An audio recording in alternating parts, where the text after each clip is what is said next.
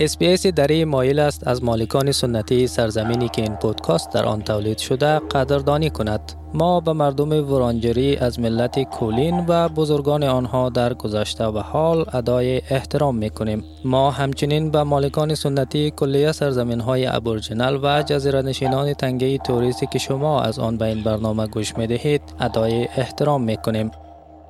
Aussie Aussie Aussie Oi Oi Oi Aussie Oi Aussie Oi Aussie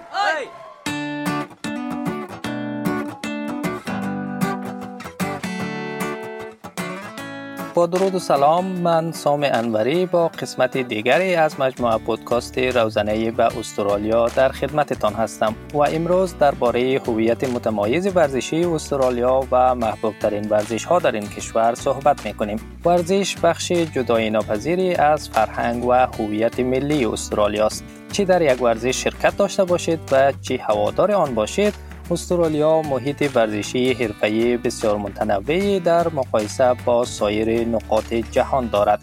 هر ترجیحی داشته باشید، بازیکنان، تیم‌ها و مسابقات را پیدا می کنید که از آنها حمایت و طرفداری کنید.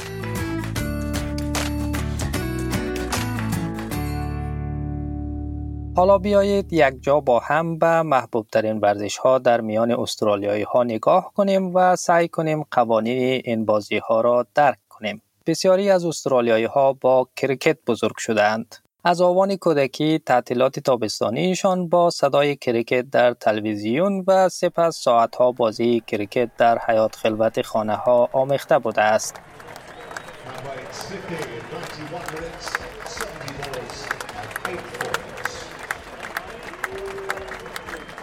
اشتراک در باشگاه های محلی کرکت در حال افزایش است و اکنون سی درصد از بازیکنان کرکت در سطح باشگاه ها زنان و دختران هستند. از هر ده نفری که تازه به باشگاه های کرکت می پیوندند، شش تنشان زن هستند. از نگاه شرکت در مسابقات حرفه‌ای هر سال بیش از دو میلیون نفر در استرالیا به تماشای کرکت می روند. کرکت همچنین یک ورزش بسیار مهم برای مردم بومی استرالیا است. در واقع اولین تیمی که از استرالیا به طور جهانی رفت متشکل از بازیکنان Aboriginal بود. جوزی سنگستر در مرکز کشف هارو یا هارو Discovery Centre و مرکز تفسیری جانی مولا یا جانی مولا Interpretive Centre کار می کند. این مرکز میراثدار 11 بازیکن اول کرکت استرالیا است که در سال 1868 به تور انگلستان رفتند و همه آنها بومی بودند. مردمان واتوجبلوک جارد و جالی و گند جمارا داستان بسیار فوق‌العاده از اجدادشان در اواسط تا اواخر قرن 1800 دارند.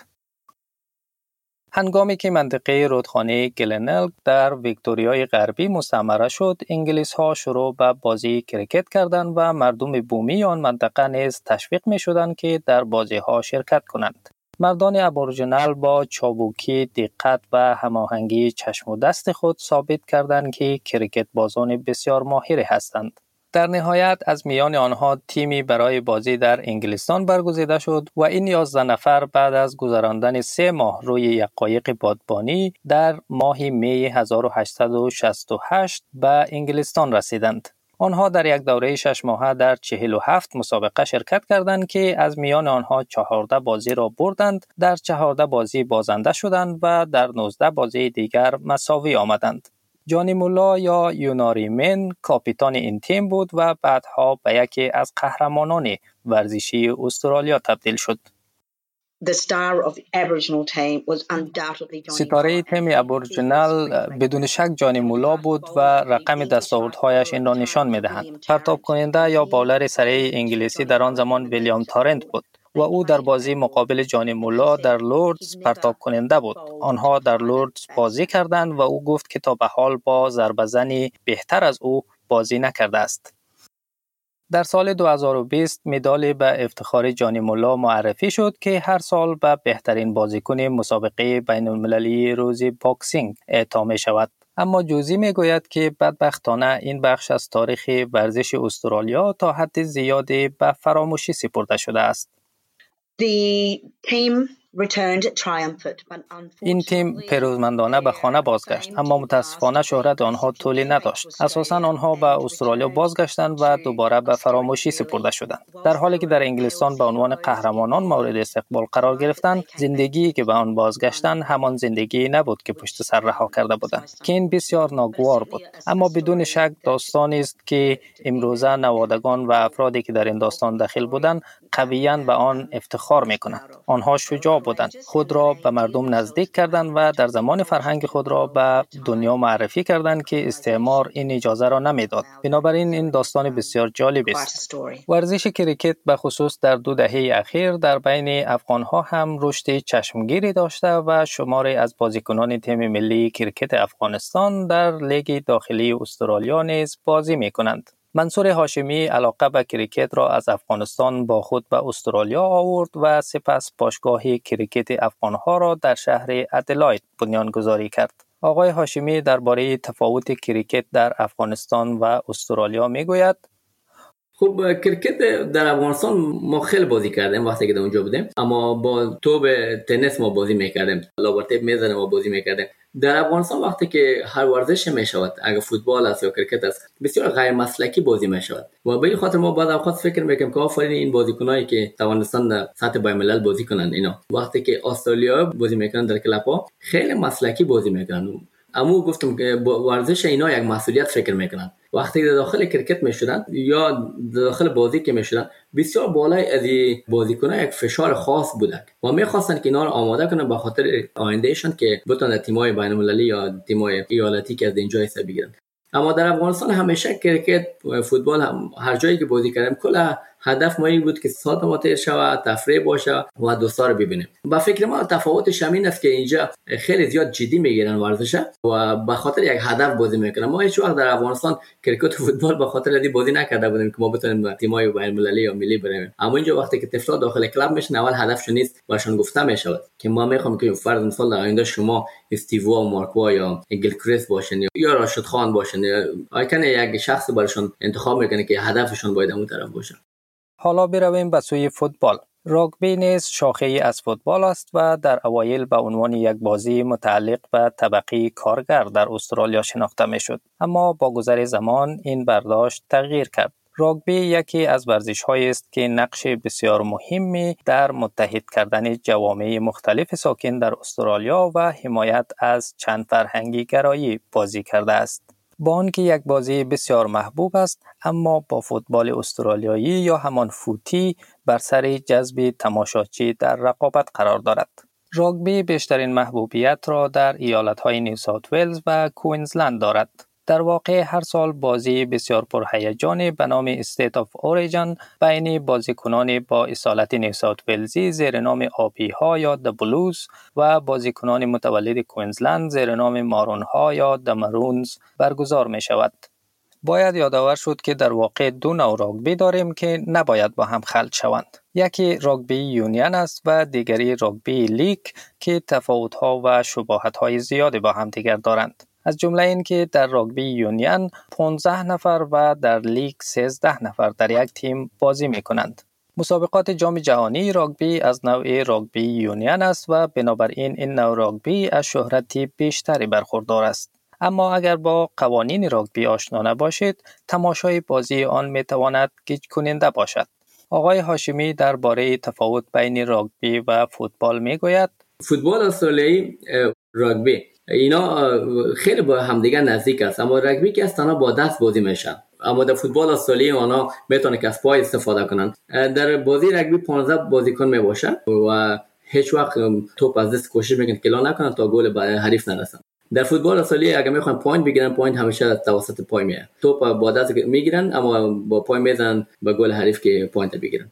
دیگه تفاوتش اونمو است که راگبی همش با دست می باشه و گلشون هم در زمین می باشه یه گل نداره مانند فوتبال که بتونن که از او بگذرن و soccer که خیلی واضح است که گل یک بازی خیلی دوست داشتنی است و در فوتی استرالیایی 18 بازیکن است. و زیادتر میدانایی که در فوتی استرالیایی استفاده میشه. اما میدان کرکت است که یکم متفاوت میسازش اما اما تو بایزوی می باشه اما میدان رگبی میدان مثل ساکر است میدان چارکنچ حالا بیایید برویم به دنیای فوتبال استرالیایی که اکثر ها آن را به نام فوتی می شناسند. فوتی پربیننده ترین بازی در ویکتوریا و همچنین تاسمانیا، استرالیای جنوبی و استرالیای غربی است. به طوری که تنها یک فصل لیگ فوتبال استرالیا یا AFL بیش از 6 میلیون تماشاچی را به ورزشگاه ها می کشاند. تفاوت بین فوتبال استرالیایی و فوتبال بین المللی یا ساکر چیست؟ رازی باقری بازیکن فوتبال و رئیس انجمن فوتبال افغانهای ملبورن است. او درباره تفاوت این دو نوع فوتبال می گوید خب اول کلانترین تفاوتش همیه که توپش فرق منه توپ فوتبال راوند است ولی خود آزی فوتبال که یا فوتی بگیم توپش خرب زمانند است. خب قانونش هم فرق داره. استرکچری پوینتش نیمه هایش که به چهار نیمه تقسیم شده. هر کوارتر میگه. دیگه خودی ورزش تقریبا زیادتر فرق داره از فوتبال. فوتبال کسته با پای بازی میشه. فوتی کسته با دیست و پای. می‌تونی تو بگیری مار کنی می‌تونی باز کیک کنی را دیگه بازی کن. باز امتیازات شام فرق داره. چهار دانه پایه از غول پایه که برش از امتیاز داره. در پایه اگه بخوره برخورد کنه یک امتیاز داره. و اگر از دروازه دوم یا پای دوم رد چنه باز یک ورزش یکی از رایشترین موضوعات مورد بحث در تقریبا هر رویداد اجتماعی در استرالیا است و برخی ها از آن برای تقویت روابط و دوستیابی یا ایجاد یک فضای رقابتی سالم و سرگرم کننده بین خود و همکاران و دوستان خود استفاده می کنند. کودکان و نوجوانان نیز از همان اوایل زندگیشان در طول سال با ورزش های مختلف آشنایی حاصل می کنند. آقای هاشمی درباره اهمیت ورزش برای استرالیایی ها می‌گوید. چیزی که ما در اینجا در استرالیا دریافت اومد ورزش این است که ورزش یک بخش مهم زندگی استرالیا گشته. به خاطر که در برنامه ریزی های زندگیشان ورزش یک رول مهم دارد. وقتی ما در افغانستان ورزش بازی می‌کنیم یا هر بازی که می‌کنیم بیشتر هدف ما این است که ما تفریح داشته باشیم و یا ساتیری کنیم. اما اینا که هستن در تمام برنامه ریزی های زندگیشان ورزش می باشه و آنهایی که ورزش بازی می‌کنند به خاطر یک هدف و یک دستاورد بازی می‌کنند یکی از مهمترین رویدادهای لیگ فوتبال استرالیا دور بومیان یا دور سر داگلاس نیکولز است که با محور بزرگداشت از فرهنگ ابوریجینال و جزیره نشینان تنگی توریست برگزار می شود. سر داگلاس نیکولز که از جامعه کومراگنجای ایالت نیو ساوت ولز برخواسته بود یک ورزشکار برجسته جهانی و کسی بود که پیشتر از زمانه خود قرار داشت او استعداد ورزشی خارق العاده داشت و در رشته های بوکس، دوش و فوتبال استرالیایی سرآمد بود. سر داگلاس یک ورزشکار، کشیش و فعال حقوق بشر و بعدها در اواخر عمرش فرماندار استرالیای جنوبی بود.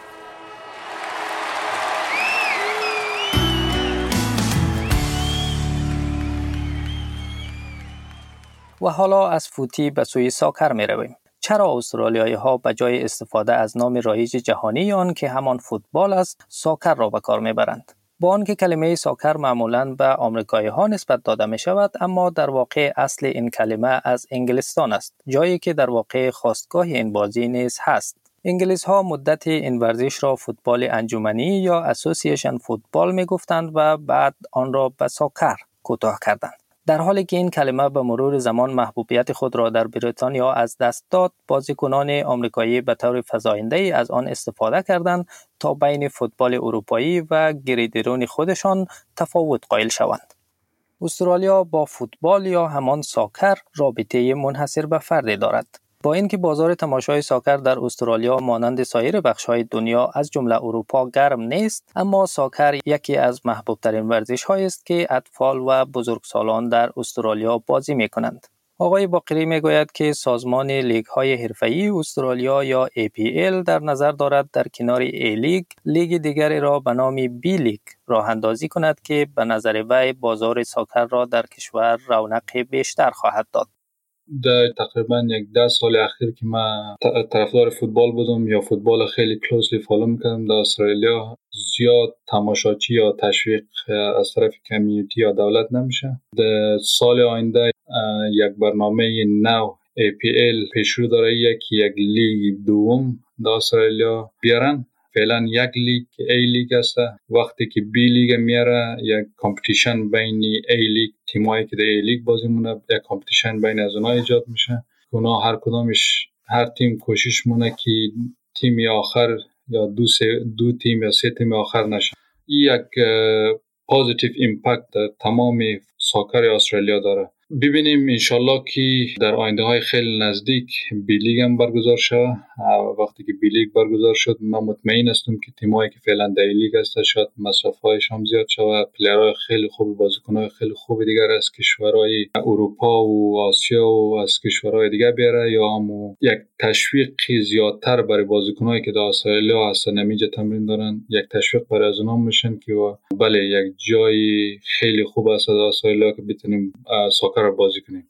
دیگه آینده خیلی خوب می‌بینم soccer در استرالیا. انشالله که یک انرژی یا یک تحولات به که تماشا community دولت کلشان soccer support کنن کمک کنن تا بتونه تمام جوانایی که فعلا می‌خواین فوتبال بازی کنن اونام یک آینده خوبی در فوتبال در استرالیا ببینن. تنظیم کننده ملی soccer در استرالیا اتحادیه فوتبال استرالیا یا Australian Soccer Association است و APL زیر چتر همین نهاد مسئولیت برگزاری رقابت های سالانه لیگ برای مردان و W League برای زنان را بر عهده دارد. تیم ملی مردانی که از استرالیا در میدانهای بین المللی همچون جام جهانی و جام آسیایی نمایندگی می کند به ساکروها معروف است و تیم ملی زنان استرالیا هم به نام متیلداها یاد می شود. و ناگفته نماند که استرالیا امسال به طور مشترک از جام جهانی فوتبال زنان 2023 میزبانی می کند. وقتی از ورزش در استرالیا صحبت می کنیم نباید بازی محصور کننده تنیس را از قلم بندازیم زیرا این کشور سالانه میزبان اولین دوره از چهار تورنمنت معتبر تنیس در جهان است ملبورن میزبان مسابقات تنیس آزاد یا اوپن استرالیا است و اولین بار در سال 1905 از آن میزبانی کرد. آمار و ارقام نشان می دهند که حدود یک میلیون استرالیایی بالای 15 سال تنیس بازی می کنند. بنابراین تنیس یک ورزش خیلی محبوب نزد نسل جوانتر استرالیا است. استرالیا همواره جایگاه بلند بالای در ردبندی جهانی تنیس داشته و تنیس بازان برجسته زیادی را در بطن خود پرورش داده است. هرچند که تماشای زنده یا تلویزیونی تنیس خیلی محبوب نیست اما دقیقا مانند گلف تنیس هم ورزش بسیار محبوبی برای بازی کردن است بیش از 460 هزار استرالیایی در باشگاه های گلف عضویت دارند و بیش از یک میلیون نفر در استرالیا گلف بازی می کنند. همچنین استرالیا زمین های گلف جذابی در ایالت های مختلف خود دارد. معروفترین مسابقات قهرمانی گلف مسابقات گلف اوپن استرالیا است که در پایان هر سال برگزار می شود. و می رسیم به اسب دوانی. اسب دوانی یک ورزش مهم و معروف در بین استرالیایی هاست و شرط بندی بر روی اسب های مسابقه و دیگر مسابقات ورزشی یکی از سرگرمی های دلخواه آنهاست. مسابقات اسبدوانی در استرالیا به روش های چون سوارکاری در زمین هموار و پریش از روی موانع برگزار می شوند. استرالیا بیش از هر کشور دیگری میدان اسبدوانی یا پیست دارد و از نظر تعداد اسب بعد از ایالات متحده آمریکا در رده دوم قرار می گیرد. بزرگترین مسابقه اسبدوانی سالانه در استرالیا جام ملبورن است. یکی از هواشی جذاب جام ملبورن و سایر مسابقات اسب دوانی طرز لباس پوشیدن تماشاچیان است. در این روز مردان و زنان لباس های تجملی و کلاه و سربندهای جذاب به تن می کنند. آقای باقری می گوید که تنها یک بار به تماشای جام ملبورن رفته و بیشتر از خود مسابقه مجذوب همین رسم لباس پوشیدن آن شده و همچنین از تعطیلی عمومی در آن روز لذت می برد. زیاد دنبال ننم. تنها چیزی که درباره ملبورن کپ میدنم میه که ولی استوانی است ولی زیادتر توجه مرا که ملبورن کپ جذب کرده امی کالا پوشیدن خانما و مردا کنجمو را یک رقم فشن شو است. موردن استوانی امی فشن و کالای خوب پوشیدن و امی هالدهش برای از ما زیادتر جلب توجه شده. ولی برنامه خیلی جذاب دیدنی است. ما خودم یک دفعه فقط رفتم در برنامهشی فقط رفتیم به خاطر فشن و به خاطر امو هیجانی که در اونجا حضور داره فقط به خاطر رفتیم خلاصه ورزش در استرالیا وحدت و همدلی می آورد. صرف نظر از پیشینه فرهنگی و علایق ما در زندگی خصوصی، ورزش و باشگاه های ورزشی در استرالیا به میلیون ها طرفدار خود هویت مشترک، حس تعلق و روحیه تیمی می دهند. استرالیایی ها اشتیاق وافری به ورزش خود دارند و آن را از طریق اشتراک مستقیم در باشگاه ها و حضور پررنگ در ورزشگاه های حرفه‌ای بروز می دهند.